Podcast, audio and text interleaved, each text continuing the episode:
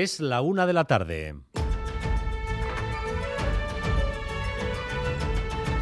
Crónica de Euskadi con Dani Álvarez.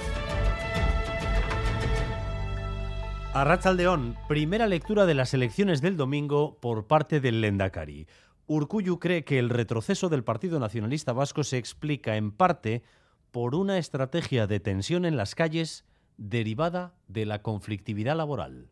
Aquí en Euskadi vivimos en una comunidad autónoma en la que algunos se jactan de que seamos la comunidad autónoma líder en huelgas, en manifestaciones, en protestas. El 50% de las huelgas que se dan en el conjunto del Estado se dan en Euskadi. Cuando Euskadi es la comunidad puntera en parámetros, en indicadores, en renta per cápita. Primer análisis postelectoral del Lendakari Urcuyo, que por cierto tampoco es un entusiasta del adelanto anunciado ayer por el presidente del gobierno. Un adelanto que interfiere claramente en el proceso negociador para conformar ayuntamientos, diputaciones y parlamentos.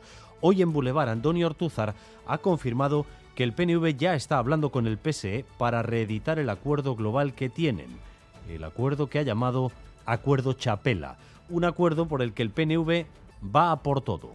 Y si el PSE presenta candidatura en Vitoria, le votarán tenemos que negociar con el Partido Socialista cuáles son esas condiciones paraguas. Si estuviera vigente el acuerdo que cerramos hace cuatro años y el Partido Socialista reclamara, ellos decidieran poner su candidatura, le, le tendríamos que votar.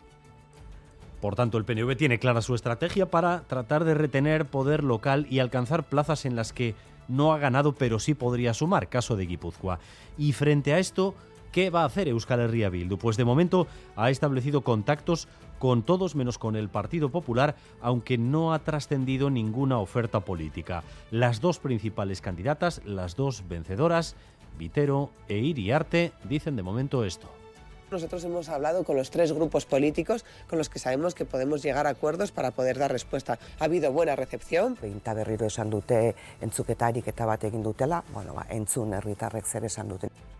Mayalen Iriarte, Rocío Vitero, socialistas deben decantar la balanza esta tarde el líder de los socialistas guipuzcoanos Asensio en Gambara. El adelanto electoral de Pedro Sánchez además sirve para rearmar a la izquierda en España. Su partido, todavía aturdido, aplaude la decisión del presidente y a su izquierda, de momento sin acuerdos, cura de humildad y propósito de enmienda. Nerea Sarriegui, adelante.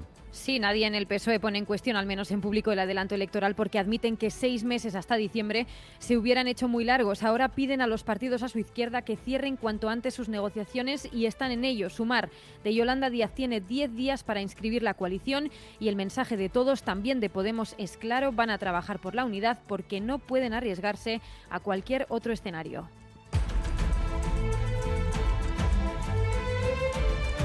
El 8 de marzo no será festivo definitivamente en Euskadi el año que viene. Se va a mantener el 25 de julio. Rodrigo Manero. Sí, la vicelendecari Doya Mendy había propuesto que el año que viene se designara el 8 de marzo para la festividad de la mujer, pero no fue bien recibido por varios colectivos, entre ellos Emacunde, y para no entorpecer otras iniciativas de asociaciones feministas, se ha decidido aplazar el tema hasta 2025. Así que el año que viene no habrá un día de la mujer festivo en Euskadi. La alternativa es el, uno de los días tradicionales, el 25 de julio, que será fiesta en toda la comunidad autónoma. A eso se suman otras 11 generales, incluida la Semana Santa, que va a caer, va a caer esta vez bastante pronto, a finales de marzo. El sistema de receta electrónica está fallando hoy en Euskadi. Las medicinas se dispensan con normalidad, pero el trámite genera interferencias. Xavi Segovia, ¿qué está ocurriendo?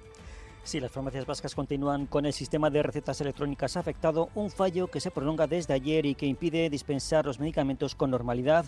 Los farmacéuticos deben emplear un sistema alternativo, lo que llaman web de contingencias, que ralentiza el reparto y limita la consulta de los datos de los usuarios. En cualquier caso, todos los clientes están recibiendo sus medicamentos, siendo prioritarios los más urgentes. Desde las farmacias aseguran que afecta a todas ellas. Desde Osakidecha nos indican que no es generalizado y que trabajan para solucionarlo. Detenidos en Vizcaya por asaltar la casa de unos octogenarios a los que robaron 30.000 euros. Planeaban más robos de este tipo. Ander López Lerena. Sí, los asaltantes llevaban tiempo vigilando los movimientos de la casa de Oriñón en Castrurdiales, donde residían dos hermanos octogenarios. El hombre fue brutalmente agredido en la cabeza, su hermana maniatada y amenazada para que les entregara 30.000 euros y joyas que los cuatro detenidos se llevaron. Tras una investigación, la Guardia Civil conseguía detenerles en Vizcaya cuando planeaban el asalto de más viviendas en la zona limítrofe entre Cantabria y Vizcaya. pasa sigue estando aquí a nivel creativo y a nivel musical. El pandero es un instrumento bueno, que ha estado súper presente en toda su carrera y, y, bueno, pues poco a poco empezó a darle forma y empezó a liar a gente, que es también una característica suya. Empezó a dirigir el proyecto y ha puesto en movimiento a más de 40 pandereteras eh, de Cantabria, de León, de Valladolid, de Portugal, de, de Galicia y de Euskal Herria, por supuesto.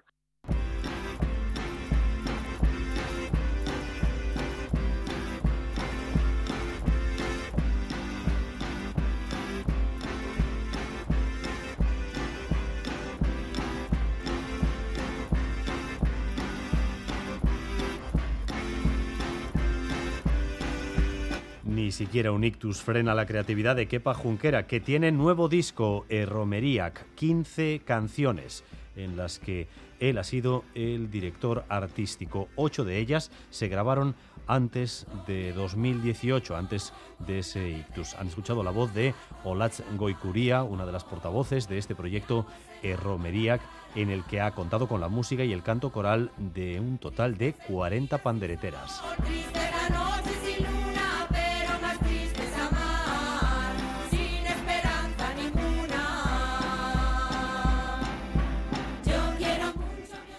Que era capaz de todo, capaz de seguir creando también a pesar de ese ictus. Y vamos también con lo más destacado del deporte, con Álvaro Fernández Cadierno, a Rachaldeón, Álvaro. Hola Rachaldeón, con el Vasconia que tiene que ganar esta noche al Juventud en Badalona para seguir en la pelea por la Liga, partido que comienza a las 9 de la noche. Bilbao Basket ha anunciado hasta cinco bajas, entre ellos, por ejemplo, Gudelok o Radicevic. Tenemos también varias renovaciones, Sofía da Silva en Guernica, Murani Eraski y Manuela Vanegas en la Real Sociedad y en pelota Hoy se ha presentado la décima edición del torneo de Vizcaya, 24 pelotaris, 6 equipos, 4 participantes cada uno. En cuanto al tiempo, atención por la tarde porque regresa la inestabilidad en forma de tormentas. A partir de las 3 se va a activar un aviso amarillo por lluvias intensas que se prolongará hasta las 9 de la noche.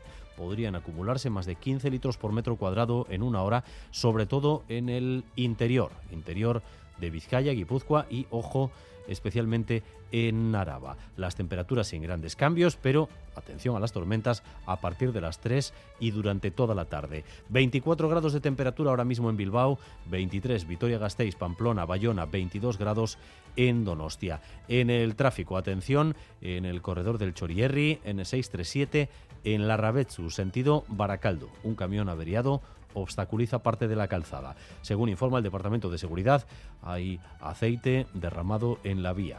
N637 La Rabetsu, sentido Baracaldo. Gracias un día más por elegir Radio Euskadi y Radio Vitoria para informarse. Raúl González y José Ignacio Revuelta se encargan de la dirección técnica, a Bilbao de la coordinación. Crónica de Euskadi con Dani Álvarez.